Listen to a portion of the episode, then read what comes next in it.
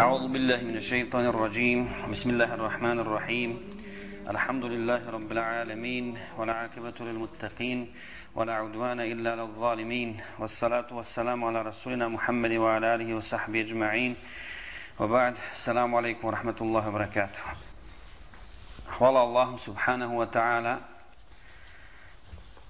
koji nam je podario neizmjerne blagodati i koji nas je učinio ponosnim sa Islamom, sa Allahovom čistom vjerom i učinio nas svjesnim da ako budemo tražili ponos i slavu mimo Islama, da ćemo sigurno biti poniženi i na dunjalu i na ahiretu. Hvala Allahu subhanahu wa ta'ala koji je stvorio čovjeka i koji stvara čovjeka u najljepšem obliku, koji ga je odlikovao mnogobrojnim blagodatima, koji ga je podučio peru, podario mu razum i mogućnost učenja i razumijevanja Allahovih propisa i Allahove vjere, kako bi naučio tevhid i kako bi istinski znao obožavati svoga gospodara. A zatim, draga braćo i cijene sestre, mi ćemo, inša Allah, završiti sa ovim našim ciklusom predavanja o četvorici imama.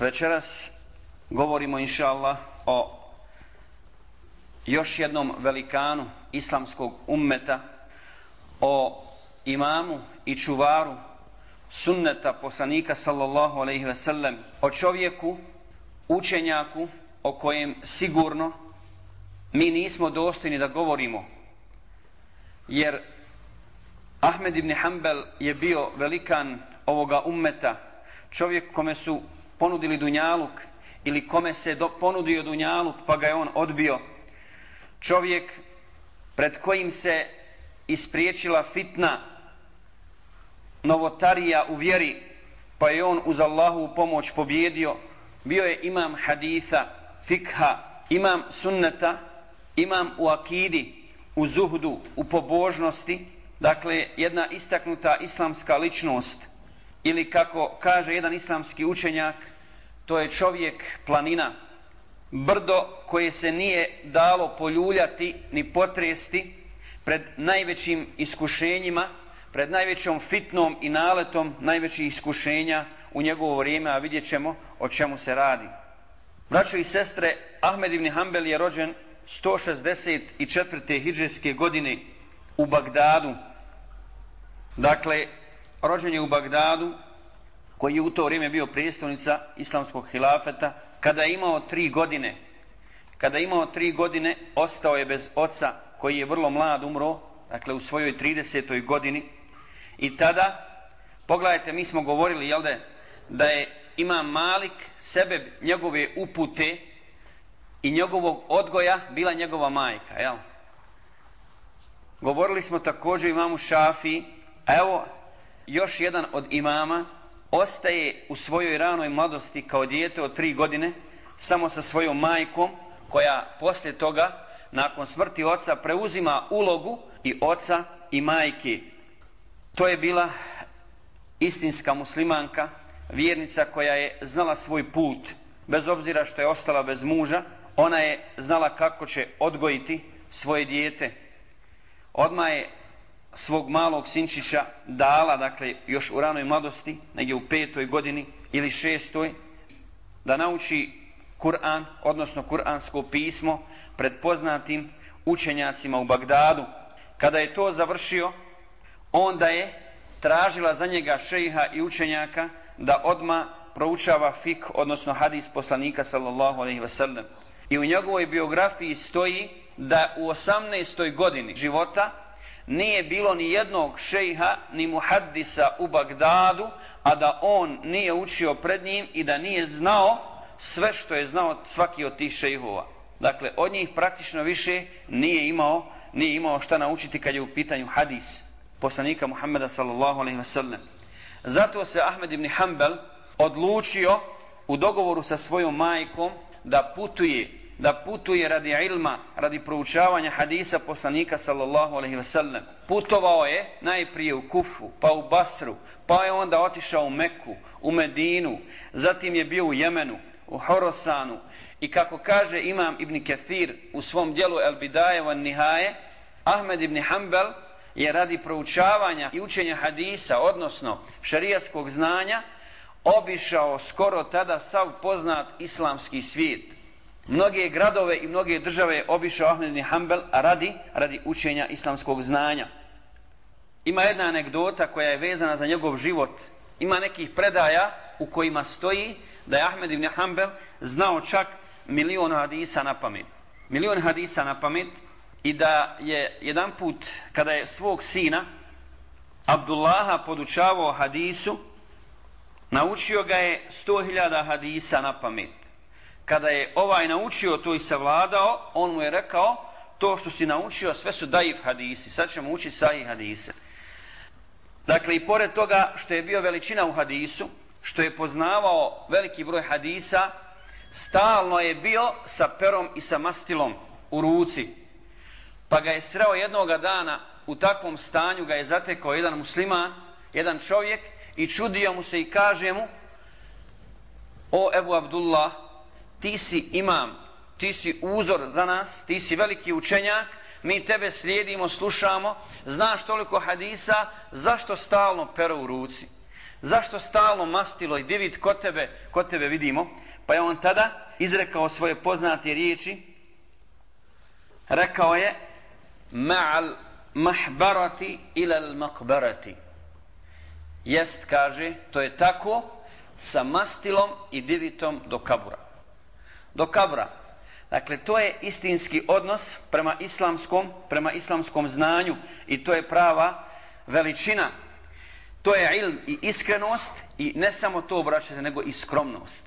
Skromnost. Dakle, nikad se nije odvajao, iako je znao na pamet hadise, stalno je tu bio papir, pero, mastilo i knjiga, knjiga iz koje je podučavao druge, druge ljude istinski vjernik i učenjak, odnosno student koji se bavi proučavanjem korisnog znanja radi Allaha, neće se nikada uzoholiti makoliko znanja posjedovao. Jer znaj da ne možeš nikad dokučiti, niti doći na onu drugu stranu, odnosno drugu obalu ilma. Vidimo kako Allah Đelšanu objavljuje ajete i podučava poslanika sa veselem toj dovi, toj dovi, vakur rabbi zidni ilma, reci gospodaru moj povećaj mi znanje, ne možeš nikada postići sve, imati sav i sabrati sav ilm kod sebe. Dakle, sa tim sabrom i strpljivošću, Ahmed ibn Hanbel je postao veliki muhaddis, fekih, jedan od najpoznatijih islamskih učenjaka svih vremena. Što se tiče hadisa, kao dokaz da je on u istinu bio muhaddis i čuvar sunneta i veliki poznavalac hadisa, jeste, braćo i sestre, njegov musned, Musned Ahmeda ibn Hanbala broji koliko hadisa? Negdje oko 40.000 hadisa. A zna neko zašto se zove Musned? Imamo sunene, imamo sahihe, imamo muvatta, imamo Musned od Ahmeda ibn Hanbala. Što Musned? Jedan od razloga, glavni razlog jeste svakako, dakle, što ćete naći u Musned Ahmeda ibn Hanbala, da nije tematski raspored, dakle, hadisa, nego piše musned Ebu Hureyre. Pa onda sve hadise koje prenosi Ebu Hureyre, on prenosi u tom poglavlju. Ili musned, musned Enes ibn Malika, Aisha radijallahu i tako dalje. Dakle, zbog toga sve, sve hadise koje prenosi određeni ashab, nalaze se u tom poglavlju. I Ahmed ibn Hanbel je na taj način rasporedio svoj musned, a ne po poglavljima koja su vezana za fik, kao što su radili drugi islamski učenjaci. I pored toga, dakle njegov musned broj negdje oko 40.000 hadisa, u njegovom musnedu postoje daif i čak meudu hadisi, odnosno izmišljeni, izmišljeni hadisi. Ono što je interesantno kazati za ovu temu, dakle za meudu hadise, rekao je o tome Ibn Hajar, poznati islamski učenjak i muhaddis, Hafiz Ibn Hajar al-Askalani, koji je napisao posebno dijelo o meudu i daif hadisima u dijelu musned, u, u dijelu musned od imama Ahmeda ibn Hanbala. Pa kaže da većina daif hadisa koje on proučavao, dakle, kao islamski učenja i pravio tahriđ, vidio je da su dodati, dakle, ti dodaci koji su mevdu, koji su izmišljeni u predaji, da su dodati nakon Ahmeda ibn Hanbala, odnosno nakon smrti njegovog sina Abdullaha, koji je u stvari sastavio, sastavio tu zbirku svoga oca, a da nisu postojali u vrijeme, u vrijeme Ahmeda ibn Hanbala. Kada je Ahmed ibn Hanbel upitan o hadisu, za hadis koji ga bilježi Buharija i Muslim, a i on ga je stavio u svoj musned od Muavije radijallahu ta'ala, da je poslanik s.a.v. rekao, neprestano će u mome umetu biti skupina, skupina koja će biti na istini. Neće joj smetati oni koji odu u zabludu, ni desno, ni lijevo, ostaće takva dok Allah ne donese svoju odredbu. Pa su upitali Ahmed ibn Hanbela ko je ta skupina, a on je rekao, ako nisu sljedbenici hadisa, sljedbenici sunneta, ja ne znam ko je drugi. Ja ne znam ko je drugi. Što se tiče fikha, ne postoji neko obimno fiksko dijelo od Ahmed ibn Hanbala, osim što je poznati islamski učenjak i vjerovatno braća koja studiraju fakultet islamskih nauka i koji su završili, završili medrese ili sestre, dobro poznaju jedno od najvećih dijela hambelijskog mezheba, poznatog islamskog učenjaka Ibn Kudame, to je Al-Mugni. Tu su sabrane od prilike sve fetve, sve mesele od Ahmeda ibn Hanbala. I ono čega se Ahmed ibn Hanbel najviše bojao braćo i sestre jeste da se njegova fetva nikada ne suprostavi Kur'anu i sunnetu poslanika sallallahu alaihi ve sellem. Zašto Kur'anu? Ako postoji jasan tekst u Kur'anu, nema govora, onda nijedan islamski učenjak ne odstupa od toga. Međutim, što se tiče sunneta, mi znamo da tu ima razilaženja, različitog razumijevanja hadisa, nedostatak hadisa i tako dalje, do kojeg nije došao islamski učenjak, a donio je fetvu. Ahmed ibn Hanbel se puno toga bojao i stalno mu je bio na umu kur'anski ajet i o tome je govorio u svojim dijelima, da mu je uvijek bio na umi kur'anski ajet Ja ejuha alladina amanu la tuqaddimu bejna jede illahi wa rasulih i sura huđurat. O vjernici dakle ne dajte prednost ne stavljajte ništa naprijed ispred Allahovog govora i poslanikovog govora. On je, on je dakle došao sa jednim pravilom kojega trebamo zapamtiti dobro. Dakle kad je u pitanju ibadet kad je u pitanju način obožavanja Allaha ibadet koji je Allah naredio kod njega je pravilo da je tevkif u ibadetu. Dakle, da je ibadet određen od Allaha i njegovog poslanika sallallahu alaihi ve sellem i tu nema nikakvog popuštanja. Dakle, klanjamo onako kako je klanjamo poslanik sallallahu alaihi ve sellem. Zekat dajemo onako kako je došlo u tekstu Kur'ana i sunneta i ostale ibadete tako izvršavamo. Nema pravo niko ništa ni dodati, niti oduzeti. Jahmed ibn Hanbal je tu bio jako strog i držao se čvrsto sunneta poslanika sallallahu alejhi ve sellem. A što se tiče muamelata, dakle odnosa međuljudski, tu je bilo pravilo koje je dakle postavio i kojega se kasnije držali islamski učenjaci, naravno i prije, ali eto on je u svojim knjigama uvrstio to jedno pravilo, da tu sve je dozvoljeno dok ne dođe dokaz, dokaz da je zabranjeno, a u ibadetu je dakle obrnuto, sve je zabranjeno dok ne dođe dokaz da je, da je dozvoljeno. Dakle, kad je u pitanju halal i haram, kad su u pitanju odnosi među ljudima, trgovina, ekonomija, jedenje mesa, udaja, ženitba, sve ono što je vezano za međuljudske odnose, onda je pravilo kod Ahmed ibn Hanbala sve je halal dok ne dođe dokaz da je haram. Kod ibadeta je obrnuto, sve je haram, dakle uvoditi bilo kakav ibadet, bilo kakav zik, bilo kakvu vrstu ibadeta, ako nema dokaza da ona postoji u Kur'anu i sunnetu. Što se tiče izvora kako je u fikhu donosio fetve, fetve Ahmed ibn Hanbel, kod njega, on je te izvore poredao na sljedeći način. Ono što je jasno u Kur'anu i sunnetu, dakle prvo Kur'an, pa sunnet poslanika sallallahu alejhi ve sellem, ako nema u sunnetu jasnog dokaza, onda su riječi ashaba za Ahmed ibn Hanbela dokaz. Riječi ashaba poslanika sallallahu alejhi ve sellem.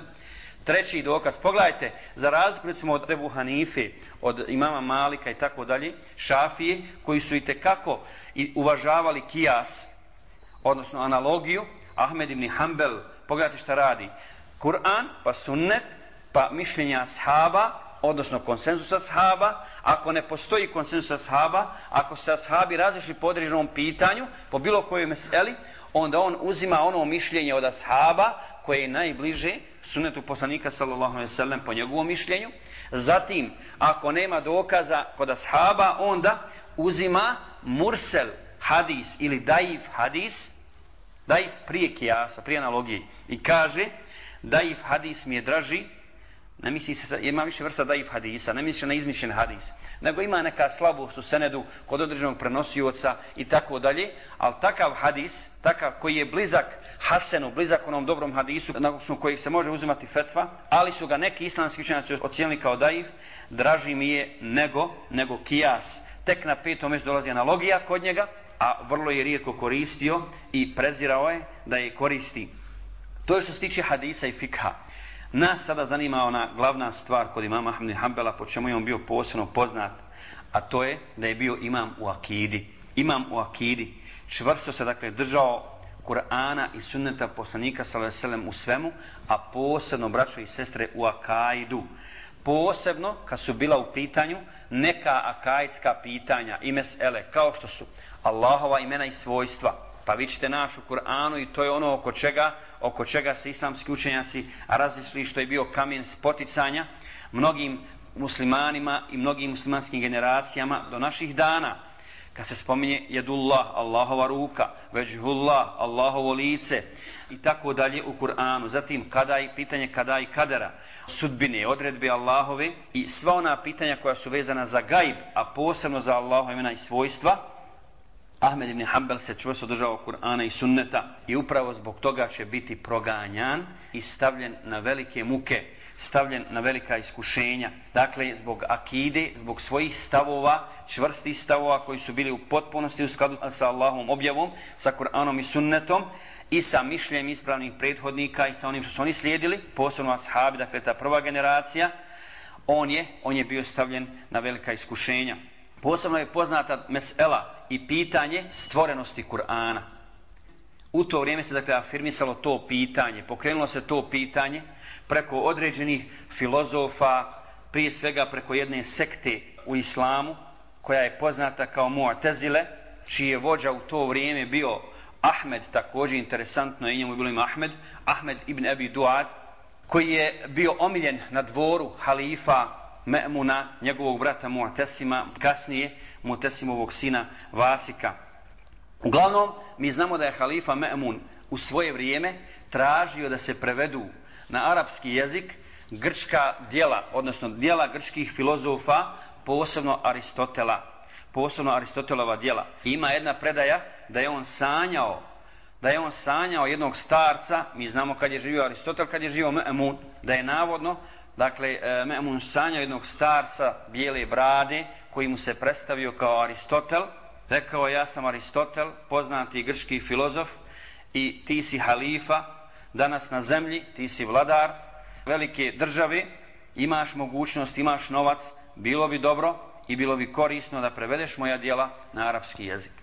Nema sumnje da to nije bio Aristotel, nego da je to bio Iblis u Aristotelovom liku, koji je tražio od Memuna da uradi takvo djelo i znamo da je halifa Memun pristao, a prije toga je bila žučna rasprava među kršćanskim svećenicima, među dakle njihovom ulemom kršćanskom, nisu dali, bez obzira koliko je halifa Memun tražio, oni svoju baštinu kulturnu nisu htjeli da ponude muslimanima.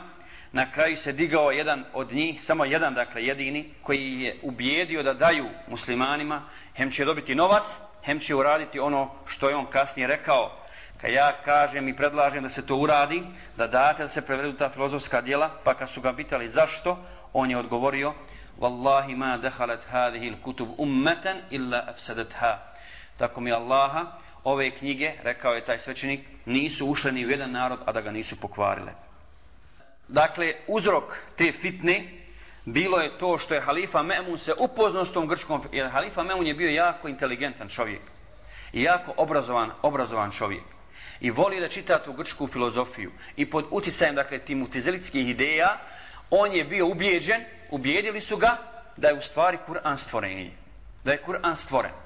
I onda je na osnovu toga tražio od svih islamskih učenjaka, od svih islamskih učenjaka toga doba, tražio je da priznaju da priznaju da je Kur'an stvoren. A mi znamo da je Kur'an Allahov govor koji je objavljen poslaniku Muhammedu sallallahu alaihi ve sellem. Poslanik sallallahu alaihi ve sellem je posle toga podučio ashabe. Oni su ga naučili na pamet, primjenjivali ga u svom životu i nikada nisu kazali da je Kur'an stvoren. Naprotiv, držali su se i radili su po onim kako Allah kaže i kako i naziva muhkem ajetima koji su sasvim jasni, a vjerovali su i nisu se plaho petljali one ajete koji im nisu, nisu bili jasni. Kako kaže uzvišeni, huvallazi anzala alejke al-kitaba minhu ayatul muhkamatu hunna ummul kitab.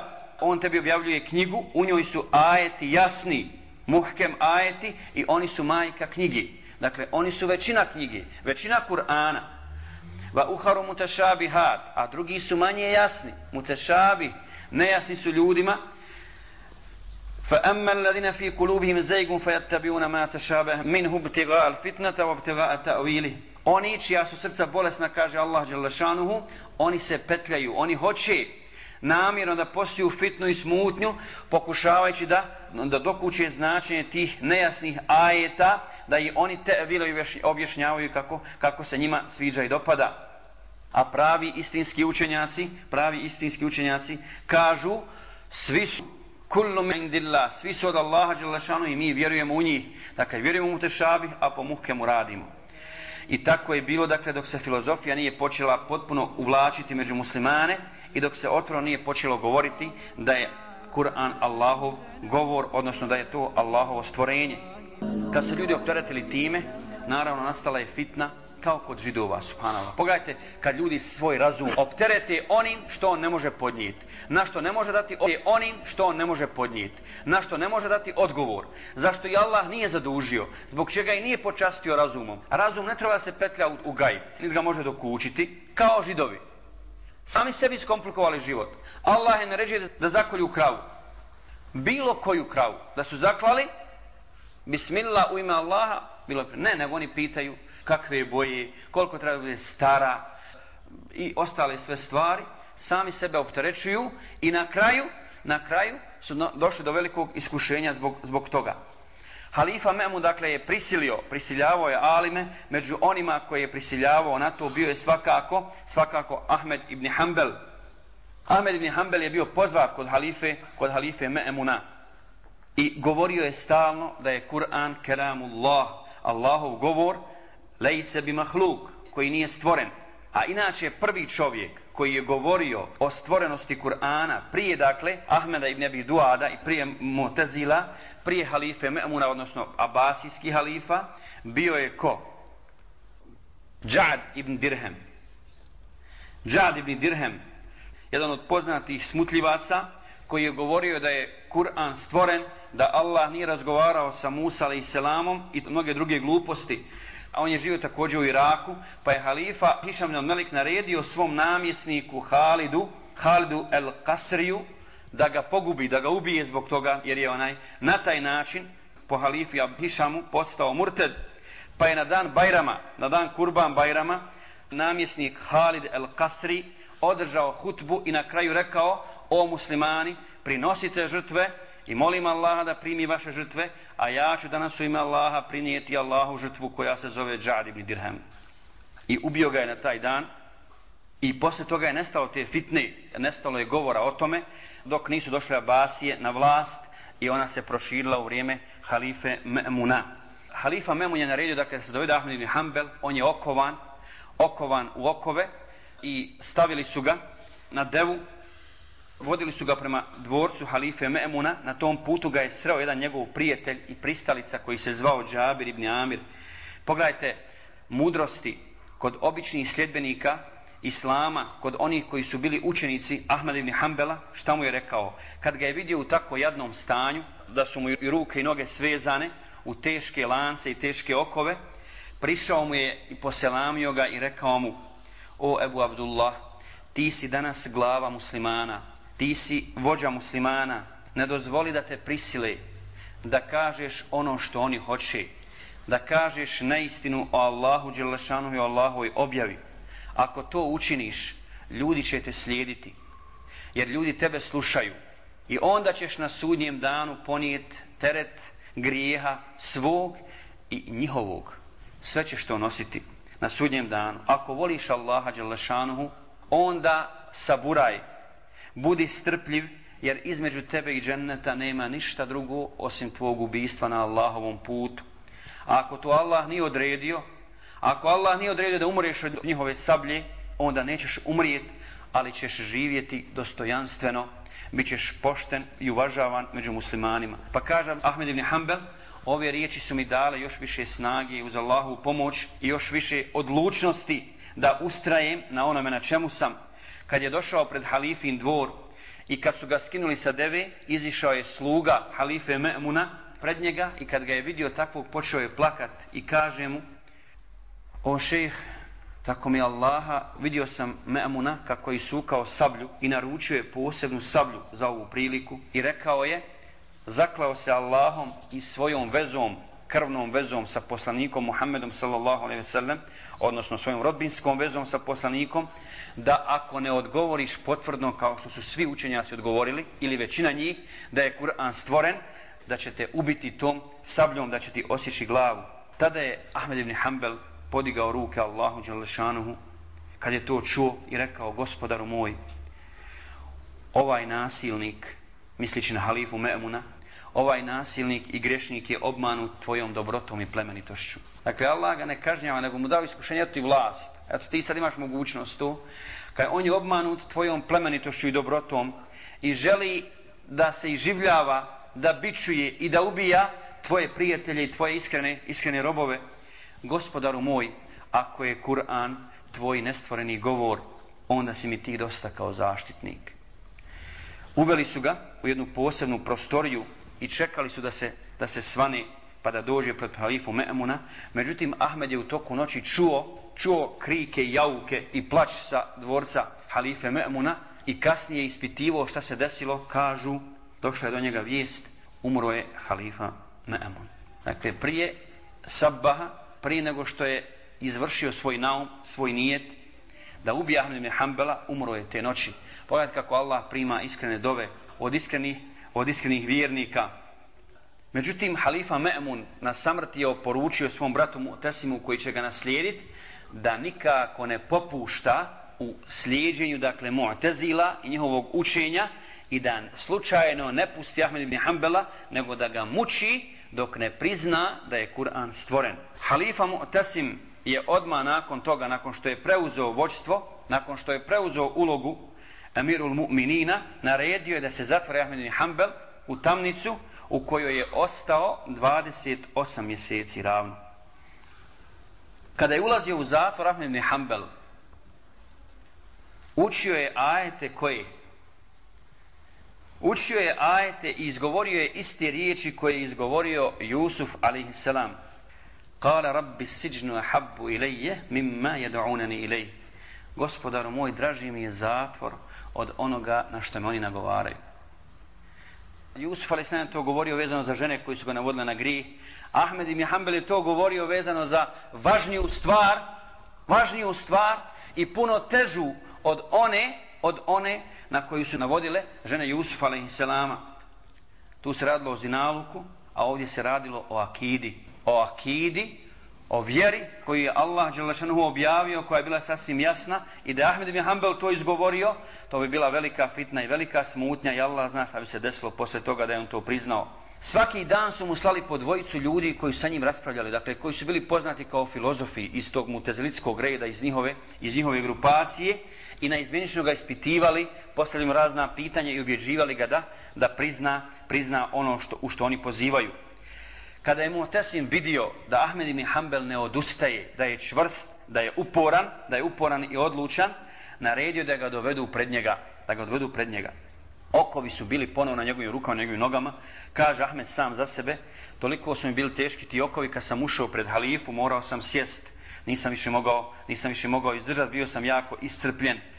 I onda sam tražio od halife da govorim. On mi je dozvolio, ja sam mu rekao, ja emirul mu'minin, pitam te u ime Allaha, u šta poziva Allah Đelešanuhu preko Kur'ana, preko svog poslanika i njegovog poslanika Muhammeda sallam.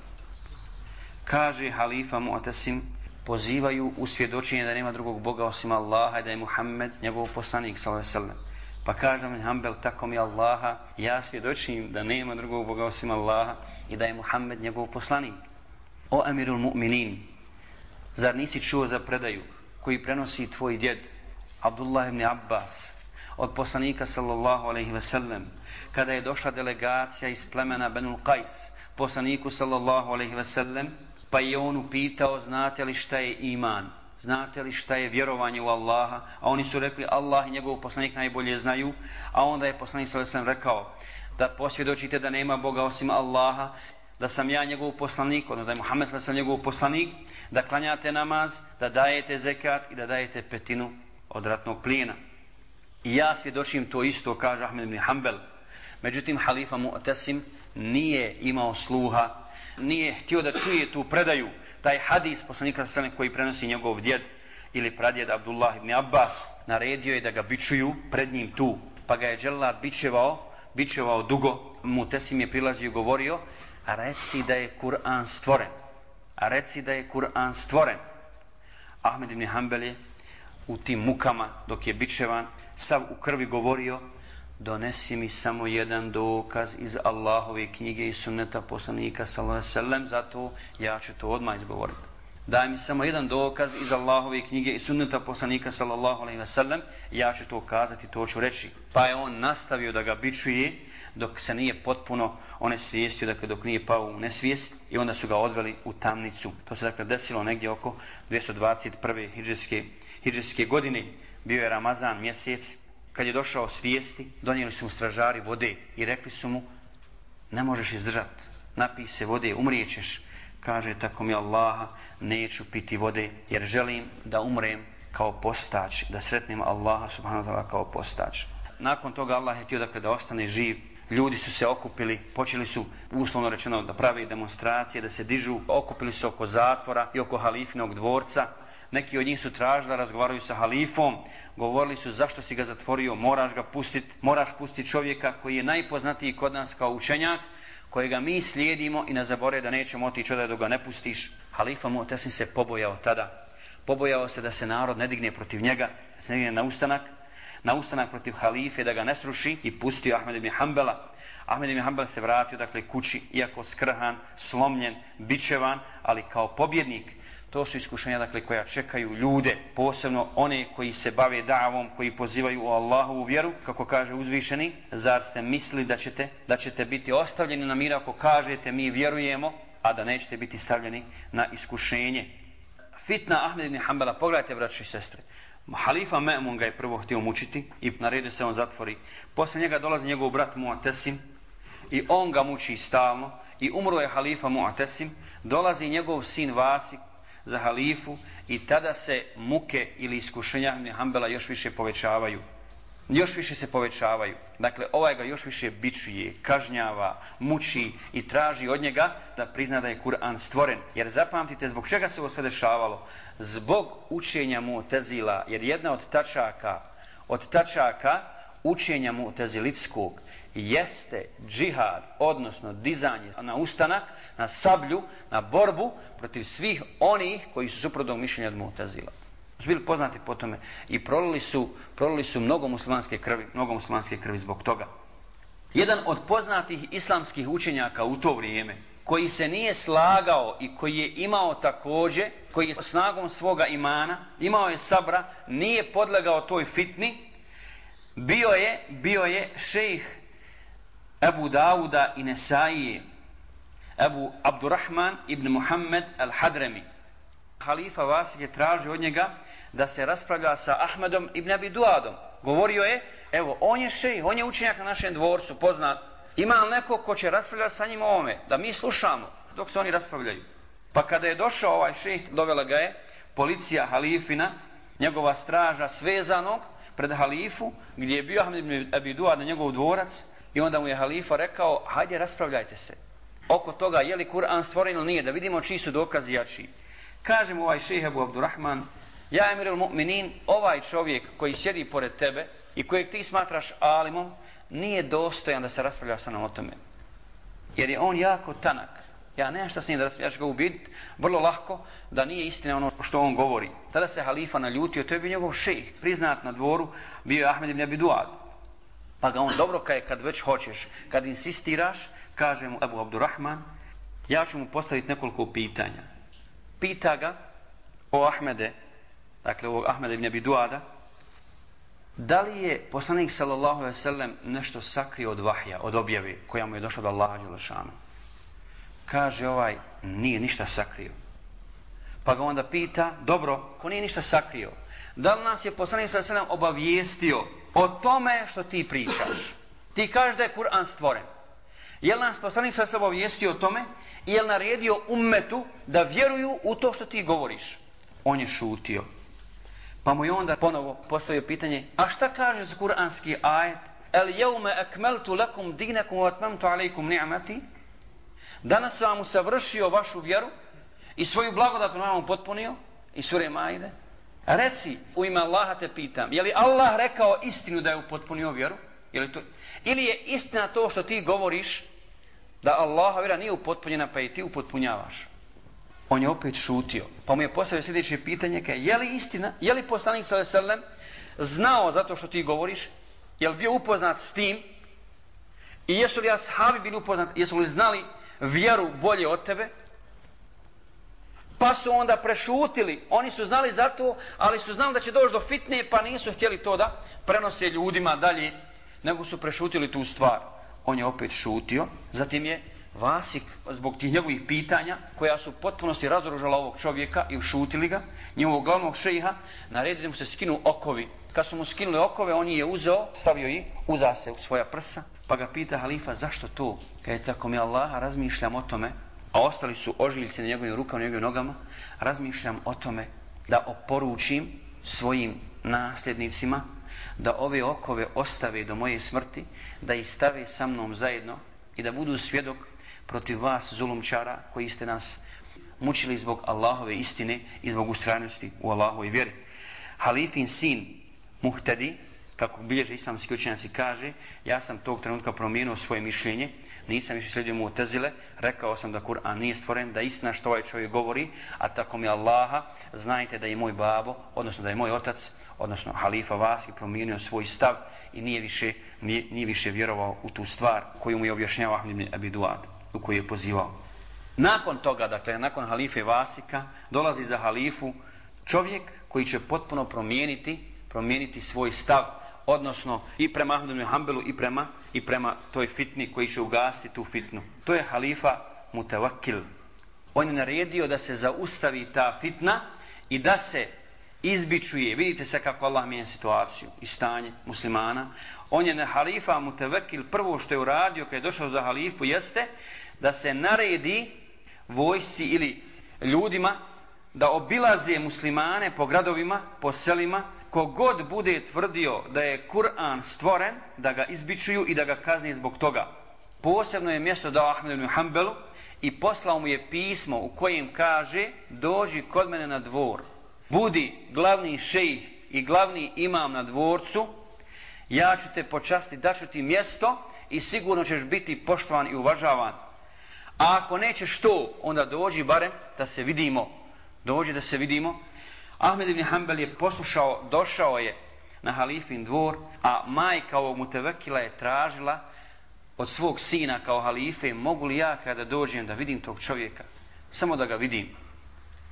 Starica, muslimanka, kada je doveden Ahmed ibn Hanbel, kada je došao, njegova majka je rekla svom sinu, o sinko moj, pogledaj ovog čovjeka ovaj čovjek zaista, na njegovom licu se vidi da ne žudi za onim za čim vi žudite.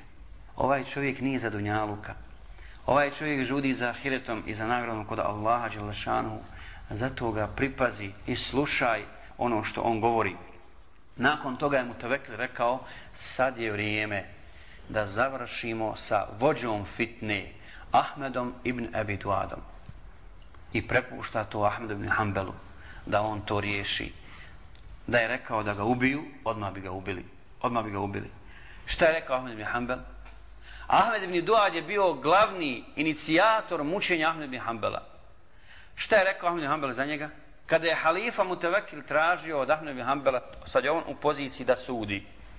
Rekao je, citirao mu je kuranske riječi, Allahove riječi, وَمَنْ عَفَا وَأَصْلَحَا فَأَجْرُهُ إِلَى اللَّهِ Onaj ko oprosti i pređe preko određenih grešaka, pa njegova nagrada je kod Allaha Đalešanu. Pogledajte. Pogledajte e, šta znači slijediti Kur'an i sunnet i šta znači istinski se bojati Allaha. Nema osveti. Nema osveti. Isto kao što je radio Tejmije, kada je umro onaj Džehmija, vođa tog pokreta, koji su Tejmiju nazivali nevjernikom, a oni su u stvari bili takvi, a on njih nije tako nazivao, nego je govorio da ja radim što vi radite, ja bi bio kafir. Da govorim što vi govorite, ja bi bio kafir. A ja vama ne kažem da ste nevjerni zato što ne znalice, ne znate istinu.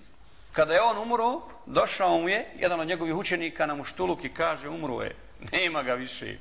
Nema ga više. Muštuluk. Kaže, zar mi dolazi zbog toga na muštuluk, što je umro musliman, što je umro musliman, pa je otišao njihovoj porodici, njihovoj kući i rekao, tako mi Allaha, ja sam danas umjesto njega. Što vam god zatreba, što vam god zatreba, meni se, meni se javite i obratite. Eto, tako se ponašaju istinski, istinski vjernici. Međutim, Allah je kaznio ovog Ahmeda ibn Duada na drugi način. Allah ga je kaznio time teškom bolešću, paralizom tijela, dakle, bio je potpuno paralisan, pa mu jednog dana jedan učenik Ahmed Hanbala došao, nije mogao da izdrži, došao mu je u posjetu u zijaret i kaže, nisam došao što te volim, što te sažaljevam, naprotiv, došao sam da ti kažem da te Allah kaznio jednom drugom vrstom zatvora, postao si zarobljenik svog vlastitog tijela. U svom vlastitom tijelu, dakle, ne treba ti gora kazna. I kada je umro, kažu islamski učenjaci, odnosno istoričari, ovaj Ahmed ibn Duad, dženazu mu je klanjala samo trojica ljudi. Od toliko ljudi u Bagdadu. Dakle, bio je potpuno zaboravljen i kažnjen još na Dunjaluku. Na Dunjaluku. A kada je umro Ahmed ibn Hanbel, dženazu mu je klanjalo milion ljudi. Ahmed ibn Hanbel je, dakle, posle toga došao je Eđel kao i svakom insanu što će doći.